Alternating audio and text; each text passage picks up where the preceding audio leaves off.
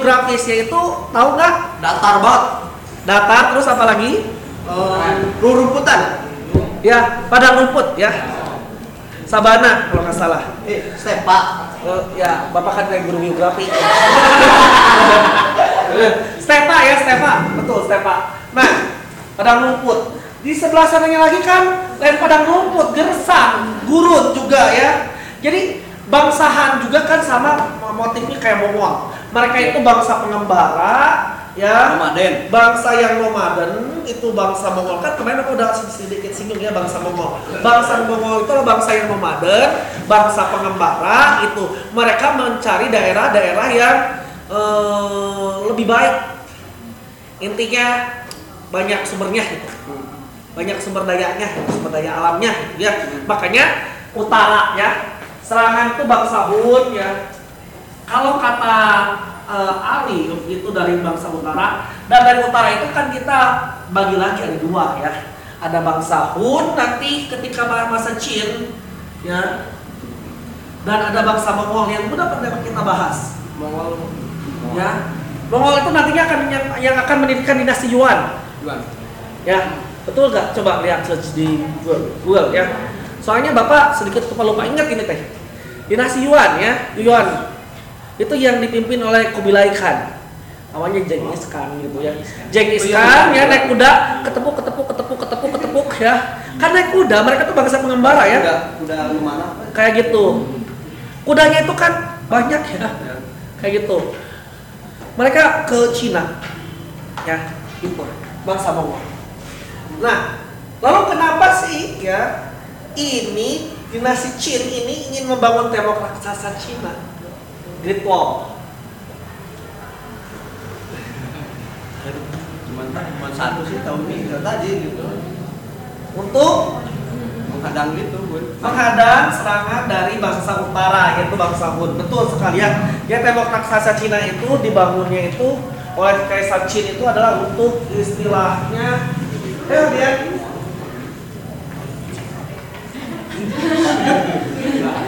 Waalaikumsalam.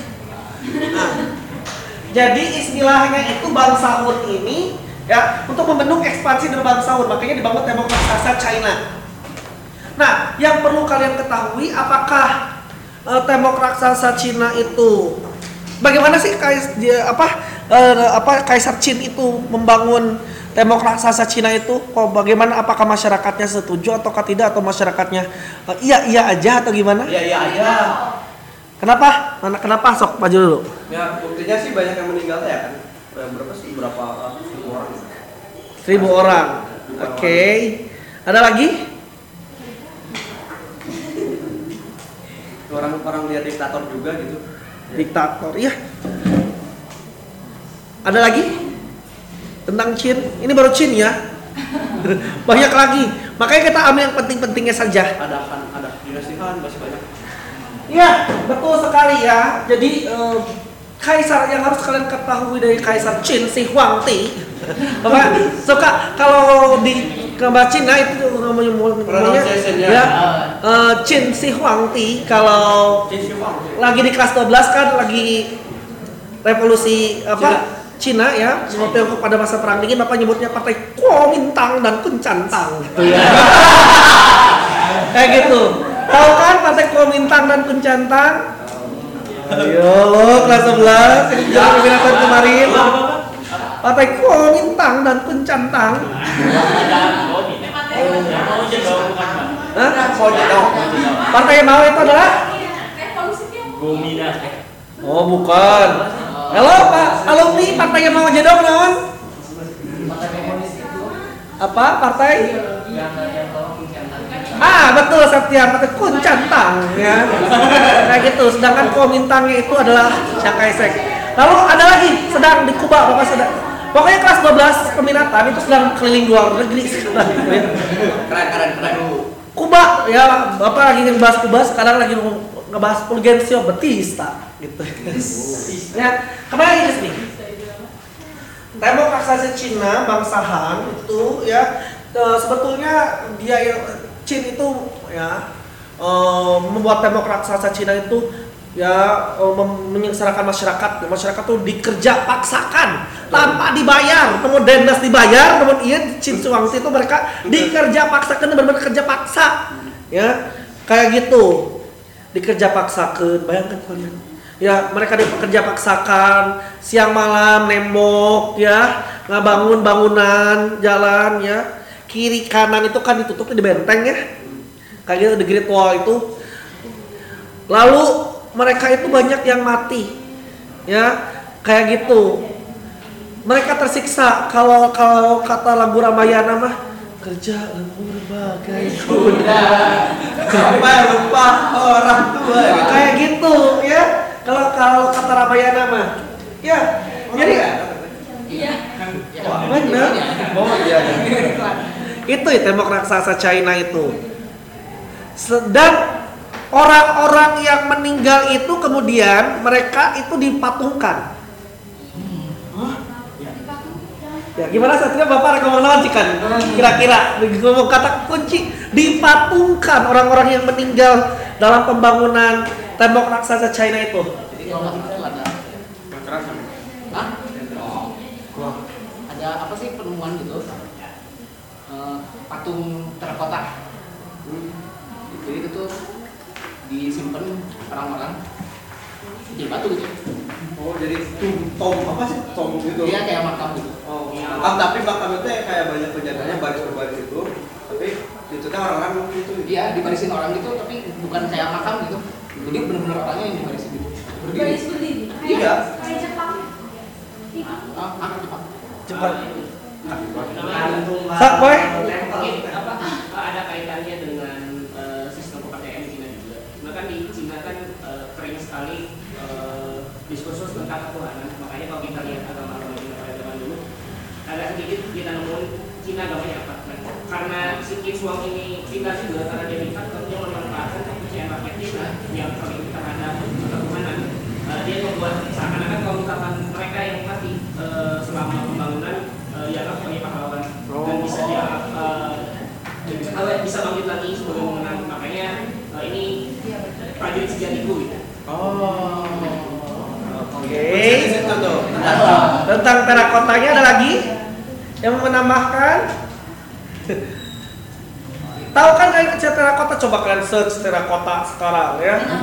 Itu tuh sebetulnya makam, makamnya Kaisar Qin ya. Tapi mereka itu dijaga oleh ribuan patung ya. Terakota ya. Jadi eh, mereka itu ya adalah korban-korban yang meninggal di zaman Kaisar Qin ya itu ketika pembangunan The Great Wall. Pembangunan tembok raksasa Cina. Makanya ngebangun terakota. Nah terakota itu adalah makamnya Qin jadi Qin itu kan memerintahnya gak lama ya hanya 36 tahun. Ya. Jadi ya ini makamnya Kaisar Qin betul naban ya bapak setuju ke naban ya jadi eh kalau bapak lupa lagi doktrin doktrinnya itu kayak gimana? Kalau Jepang itu kan menganggap dewa itu sebagai keturunan eh, mata dewa matahari. Ya, Kaisar sama- itu keturunan dewa. Nah, iya tuh. Tuh ya. terima kasih ya. Otak bapak nggak error akibat tiket ya. Ya kaisar itu adalah keturunan dewa matahari. Kalau di Cina itu adalah kaisar itu adalah keturunan dari putra langit. Ya. Kayak gitu. Ya. Terakota. Itu makamnya Qin dan itu adalah korban-korban daripada pemerintahan Qin dan dibuat dipatungkan makanya bapak senang ke peradaban timurnya Cina peradaban baratnya Romawi dan Yunani. Kalau ada orang yang meninggal itu ya kalau kita kan di kapani kubur langsung. Gitu ya. atau apa Mesir. Di mumi diawetkeun ya. Geus we kayaknya ya kasih peti ya kasih peti. Tapi ya kerennya orang Romawi dan Yunani dan orang China itu kan mereka itu sebelum orang meninggal itu kan mereka itu memakai ma- seolah masker ya. Ya kayak gitu di teknik ya di teknik bipal ya di pakai apa ya masker yang dari semen itu ya dan dibuat patungnya gitu. Jadi ketika meninggal dia itu ya di semen heula untuk mengenang jasa-jasanya mungkin ya nggak semua di semen ya. Hanya orang-orang yang dianggap ya. istimewa. Ya. Ya, kayak gitu di yang di semen itu. Nah, kalau kalian lihat patungnya Julius Caesar ya di Romawi ya. Lalu istilahnya orang-orang ya kaisar-kaisar Romawi ya, lalu tera tentara terakota itu asli orangnya itu gitu Oh. ya. Jadi bukan patung kebohongan, beda kalau Bapak ngejelasin tentang Hindu Buddha. Dewa Shiva, Dewa Brahma, Dewa Dewa Wisnu, Wisnu. Wisnu, mereka itu adalah eh, dewa yang mereka imajinasikan ya berdasarkan imajinasi mereka. Mungkin ada hubungannya di apa di filsafat mungkin kenapa di Hindu kayak gitu? Nah ini sih Pak, kalau misalkan sistem kepercayaan dewa kan berawal dari munculnya sistem kasta kasta kan di pertama.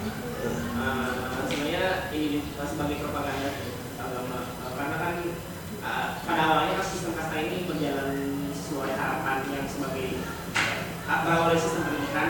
Nah cuman lama-lama karena para-para brahmana dan ksatria ini punya kekuasaan yang lebih akhirnya menggunakan propaganda berupa eh, ajaran-ajaran Iya,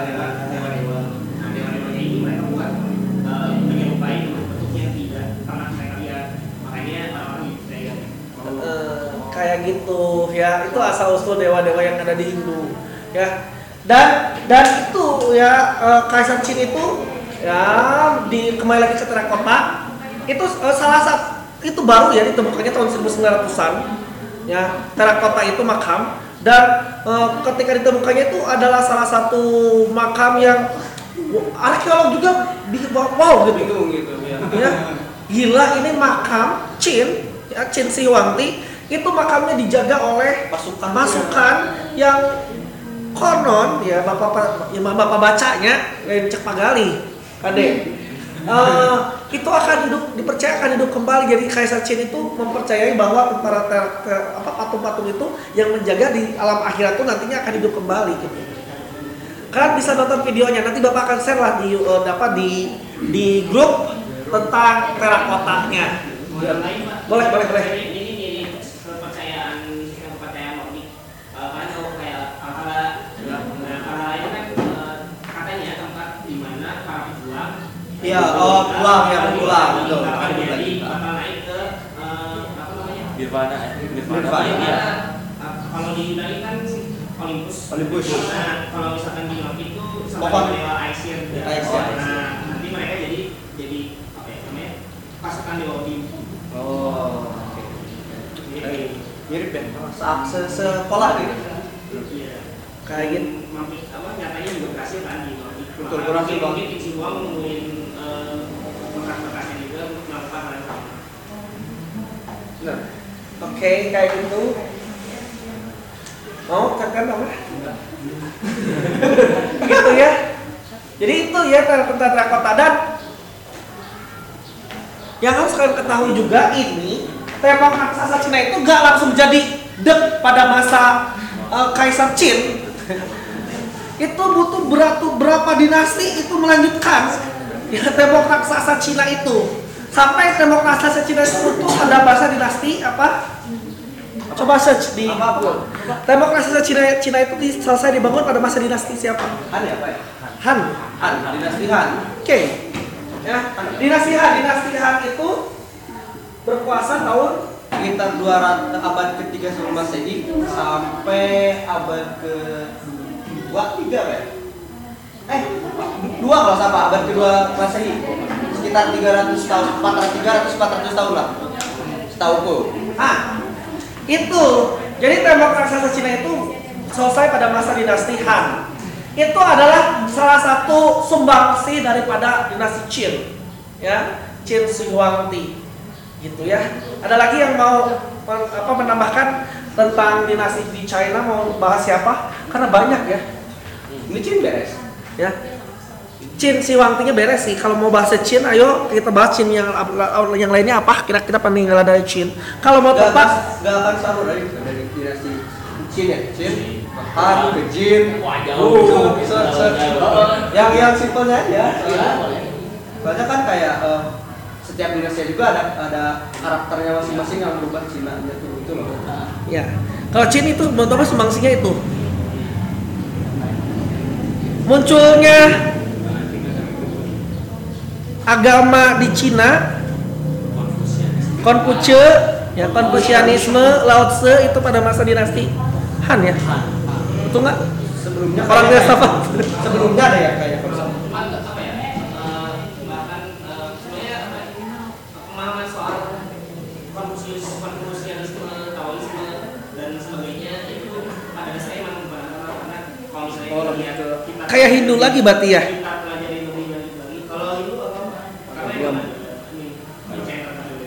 Nah, kalau si Konfusius Konfusius Konfusianisme. Taoisme ini kalau kita lihat baca lagi baca baca ini ya sebenarnya nggak ada- bahkan apa ya kering banget gitu tulisan tentang eh, tulisan tulisan yang merepresentasikan adanya Tuhan adanya entitas yang mengatur Oh, enggak ada enggak ada. Nggak ada. cuma hanya Uh, pemikiran karena saya untuk karena kan Cina kan mainlandnya kan datar ya datar Eh, kebanyakan eh, pekerjaan utama mereka semuanya semua dari tanah betul. nah Iya. makanya betul karena uh, filsufat agamanya anggapnya eh, orang-orang Cina ini uh, anggapnya kalau si petani ini adalah unsur paling penting dari seluruh Kehidupan. kehidupan kehidupan yang di Cina. Nah makanya mereka lebih mengembangkan ajaran-ajaran yang uh, peduli ke alam, Oh, rusak alam, iya. Hormat kepada orang tua. Etika. Nah, Etika. makanya ada kalau di Cina tuh ada kasta sebenarnya, cuman kastanya nggak setara yang ada di Hindu. Adanya, nah fakta menariknya lagi si petani ini kastanya paling tinggi dibanding yang lain awalnya, Oh, Oke. karena ngerasa dia itu sebagai pem- Penopang gitu ya. penopang kehidupan, tetap jualan terus. Nah makanya filsafat yang berkembang kayak Konfusianisme, Taoisme, jarang banget yang ngomongin soal Tuhan. Dan Tahu aja artinya kan jalan. Oh iya. iya.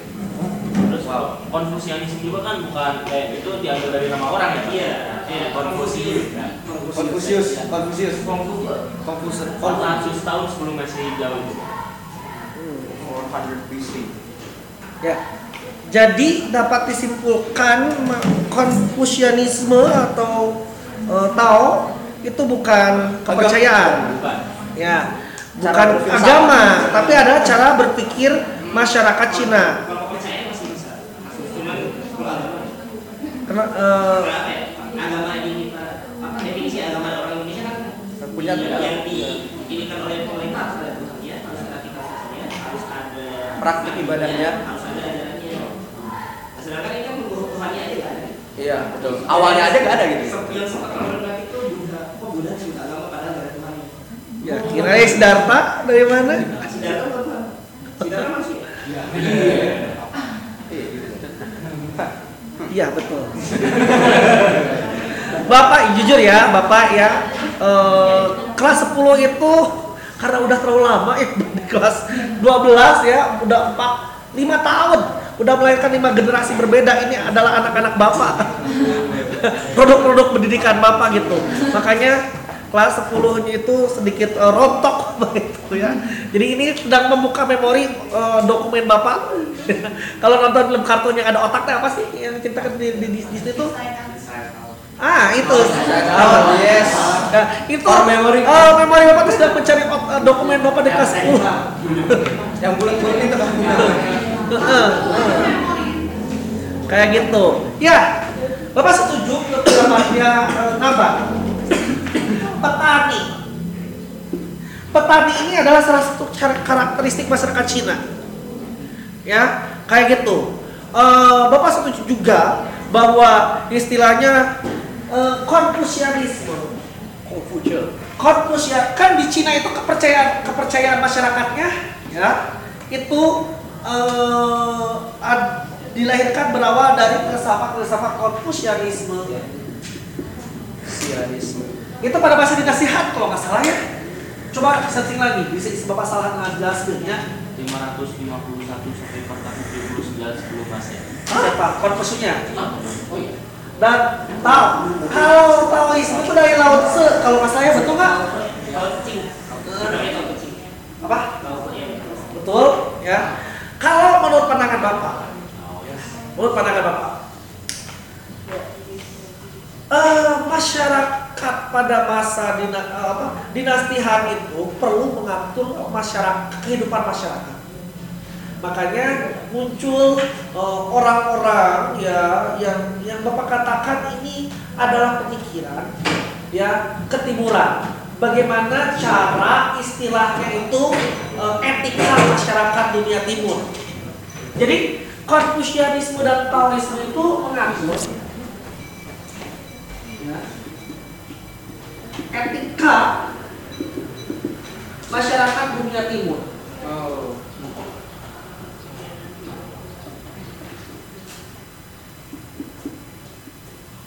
Makanya tadi Konfusianisme itu ya mengatur eh, hal-hal yang lebih kepada masyarakat ya. Budi pekerti.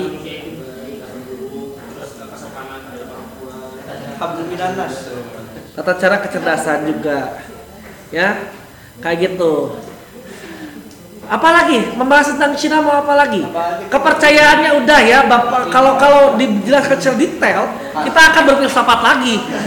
Dan bapak nggak akan nggak ingin sedang eh, apa nggak ingin mem- apa, membahas yang berat-berat. Kan kita kan udah ngebahas ini kan ya kayak per- pemersatuan Cina di bawah Qin Shi Huangdi. dan pemersatuan Cina itu kan Cina setelah Cina itu kan terpecah lagi Ya, di dinasti Han bisa lagi.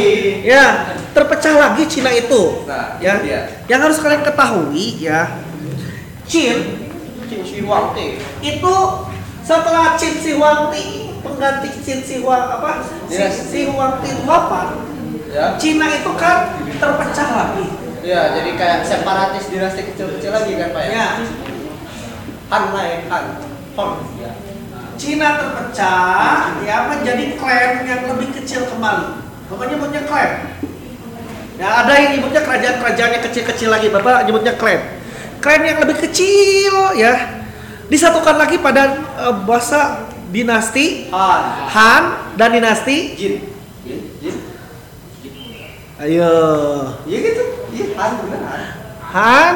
Dinasti Han dan dinasti eh, Manchu Manchu itu apa sih Eh, Manchuria Oh,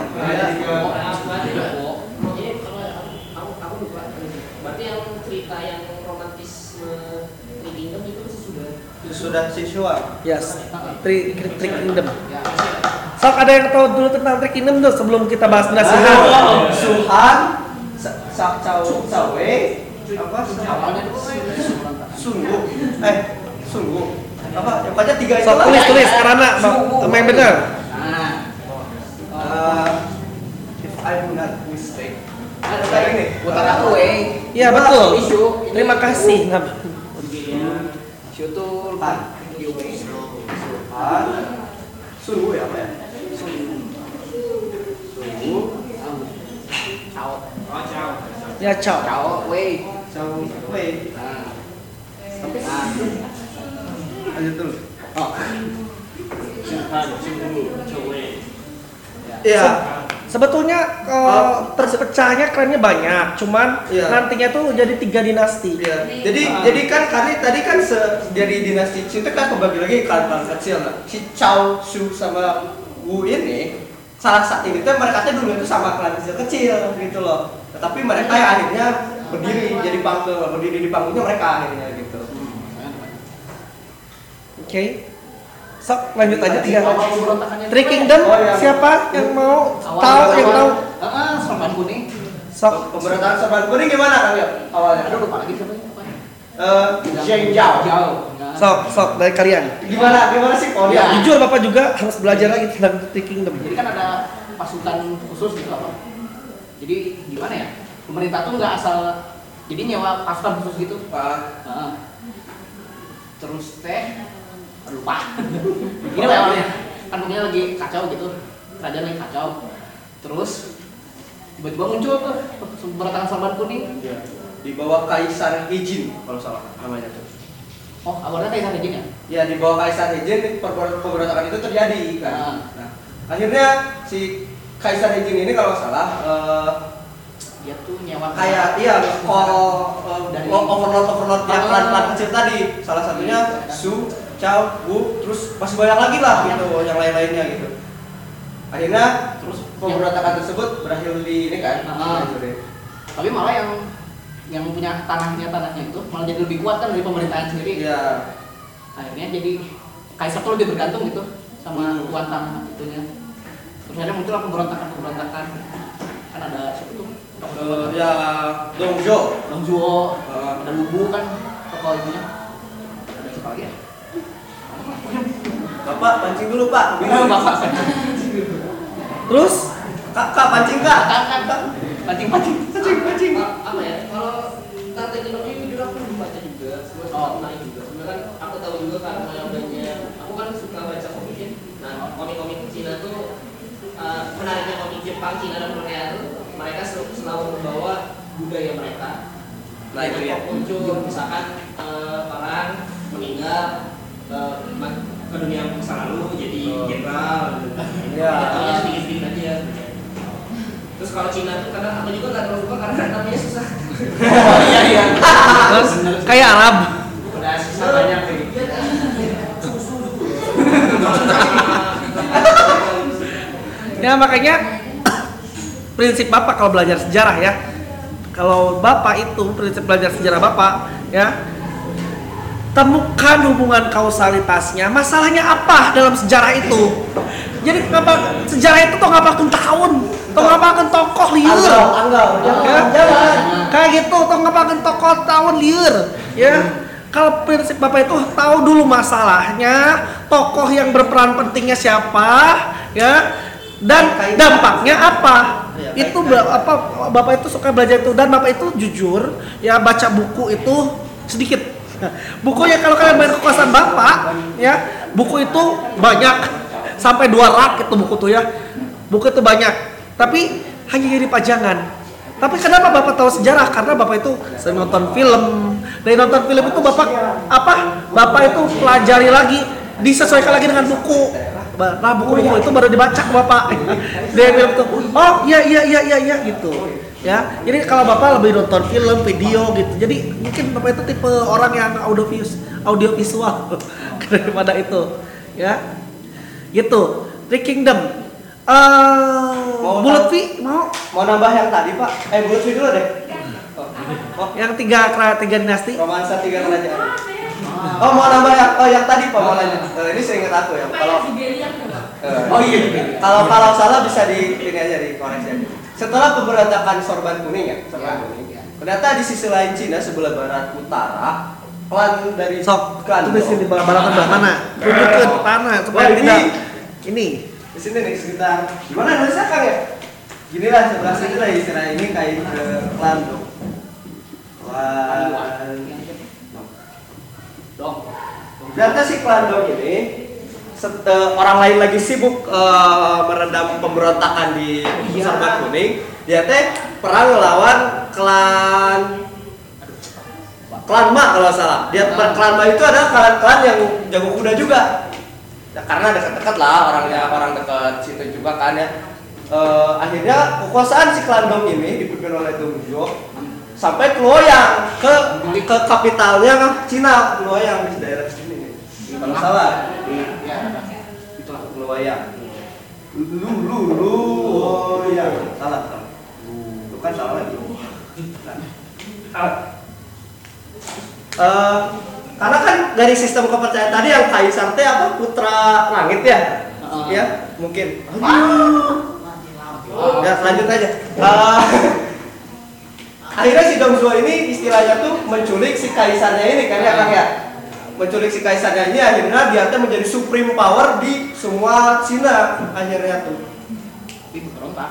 Ya, tapi bentuknya masuk pemberontakan lah ya. Karena kan di situ juga kan istilahnya teh Kaisar Hijin yang memimpin perang melawan Sorban Kuning kan sudah meninggal dulu sebelum ini. ya. Terus diter- diteruskan sama anaknya, siapa atau lupa namanya, yang sedang berada di Luoyang. Akhirnya si di Luoyang itu diculik dan lain sebagainya. Tapi ada suatu seorang tokoh juga dari daerah Sorban Kuning, tapi bukan sor- bagian dari Sorban Kuning, dari klan Yuan, Yuan Shao, ya salah. Nah, dia tuh adalah eh, teman kecilnya si tokoh yang paling legend banget dari Cina, si Cao Cao.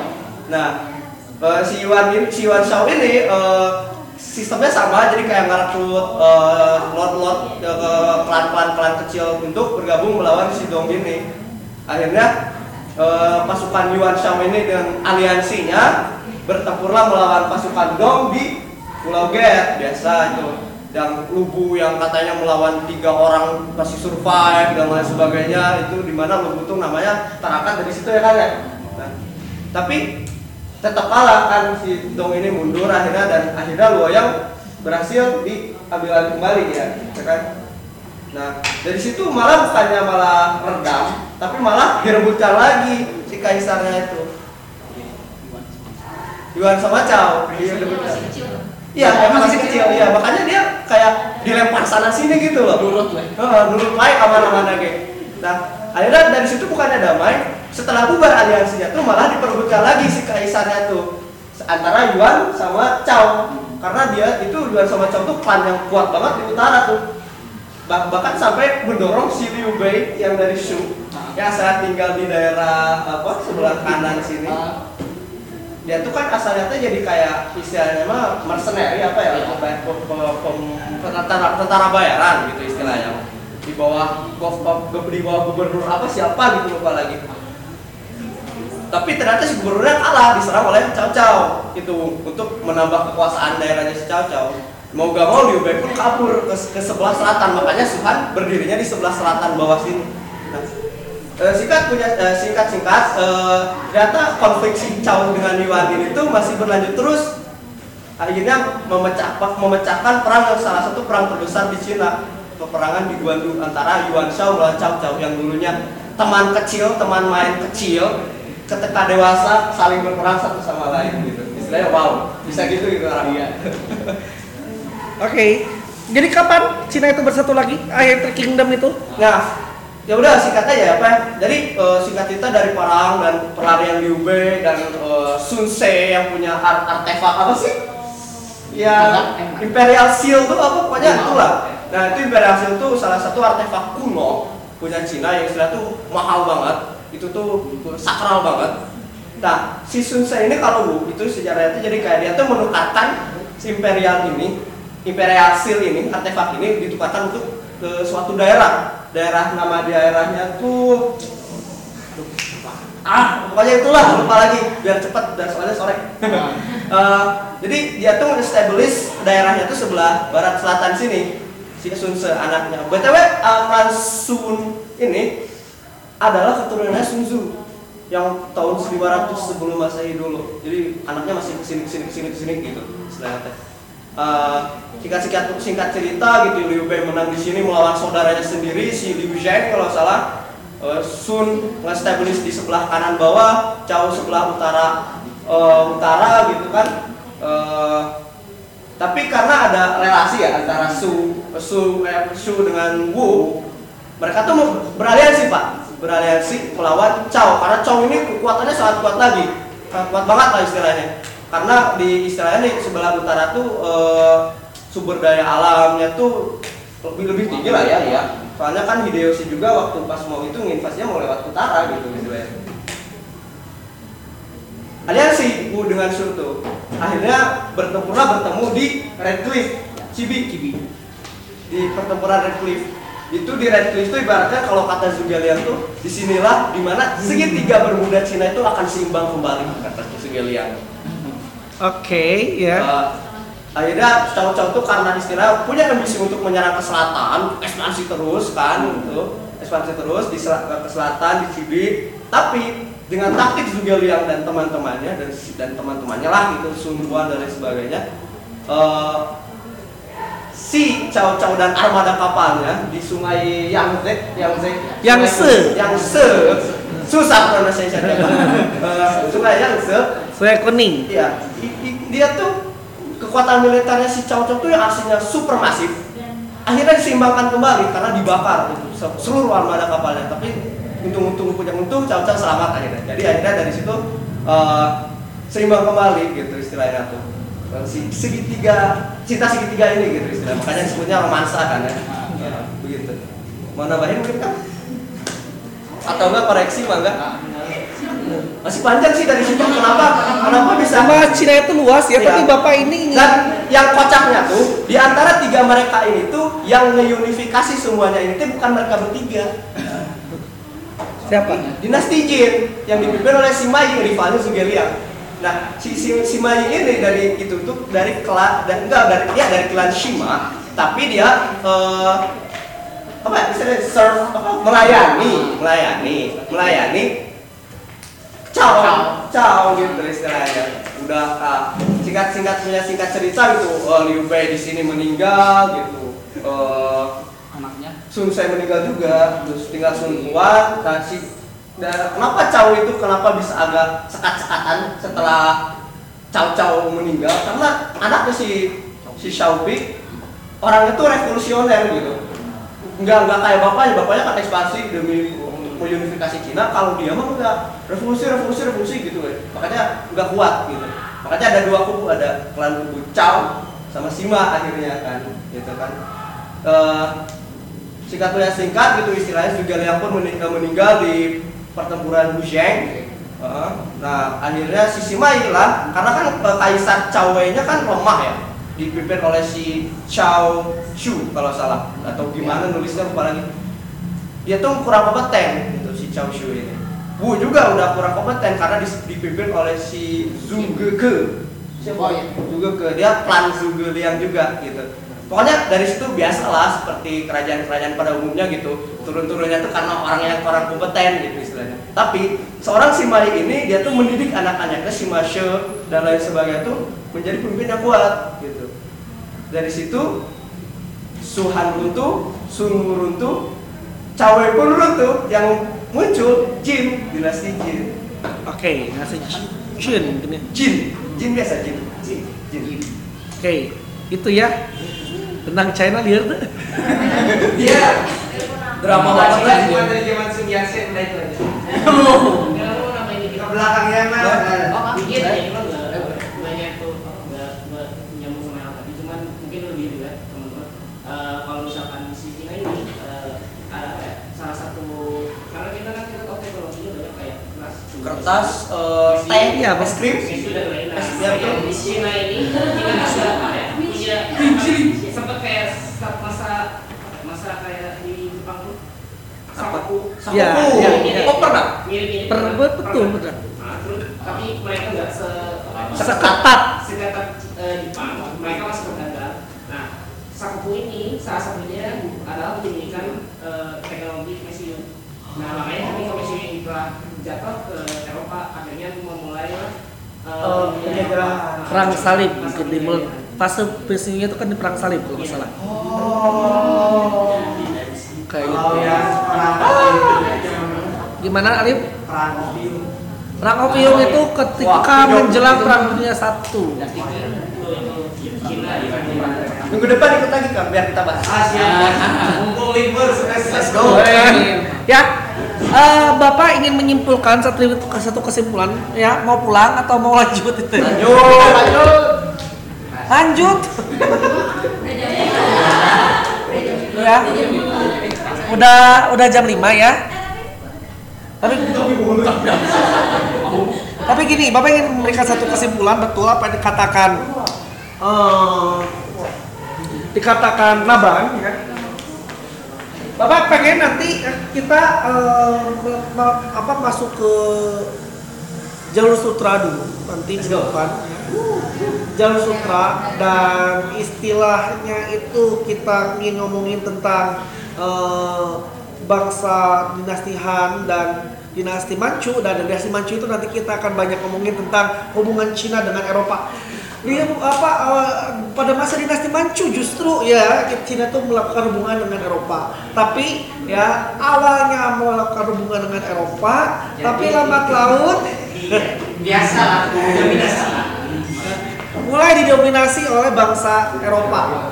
Polanya pun sama. Kalau Musa Gita kemarin di SKI ngejelasin tentang kekalifahan Ottoman ya, kekalifahan Ottoman kan kuat ya di awal-awalnya. Pada masa Muhammad Al-Fatih, masa Sulaiman Al-Kanuni, masih siapa lagi? Ada yang tahu? selim selim selim Ayo, SKI. Apa liur? Namanya sama semua. Nah, karena masuk kelimpahan otomatis kayak gitu. Bapak menaiki sedikit nyuruh ke kelimpahan otoman, tapi justru nanti di akhir-akhir polanya sama dengan Cina.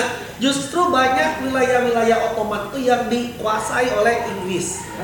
Ya, kayak gitu kita kita asal belum detail kita bahas otoman kemarin ya.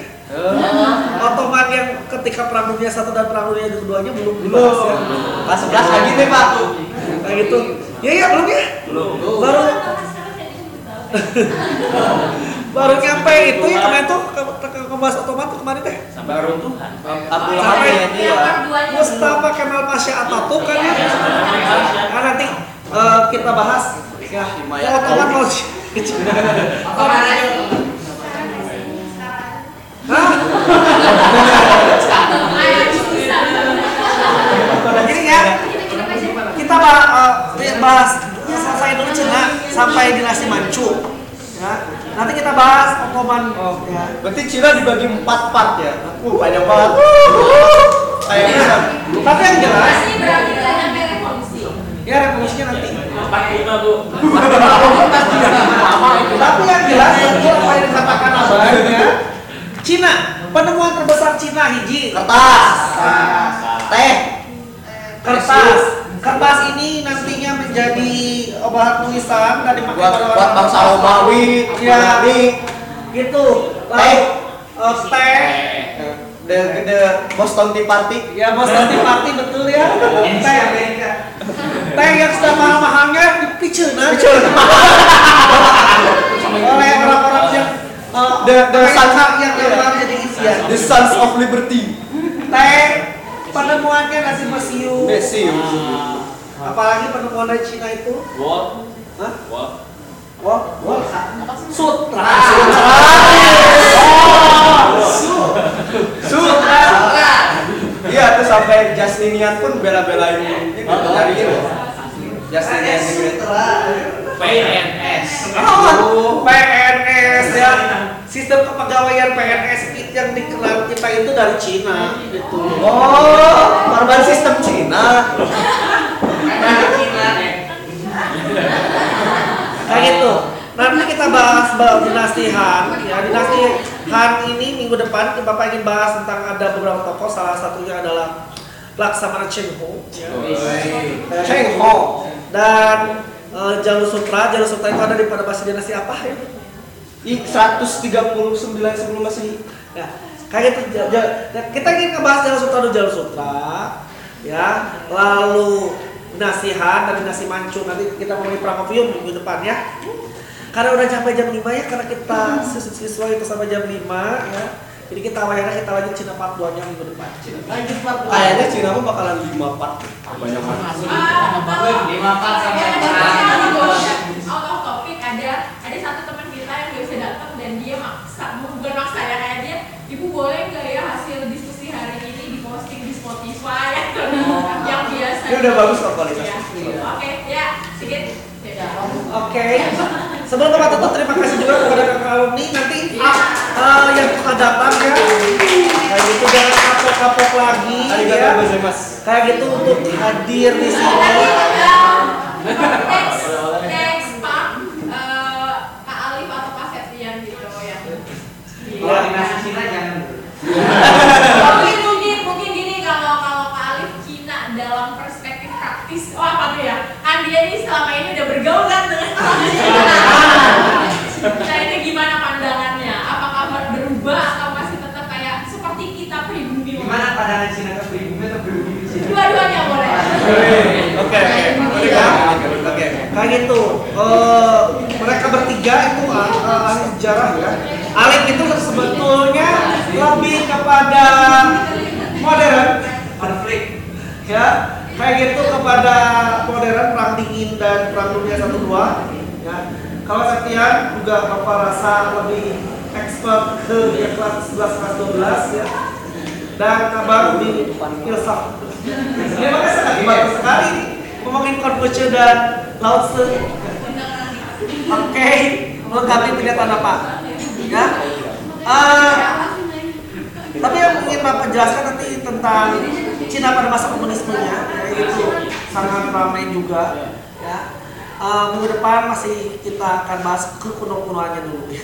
Panjang banget Kayak gitu. kayak hatam Quran. Itu saja dari Bapak. Terima kasih sekali lagi kepada kakak alumni ya.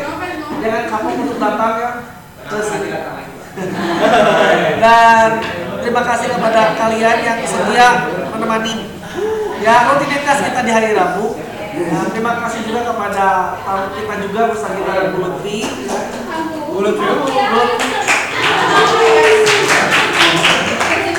Bu Lutfi. Ya. Ada apa lagi? Itu saja dari Bapak ya. Sebagai moderator, Bapak tutup Assalamualaikum warahmatullahi wabarakatuh.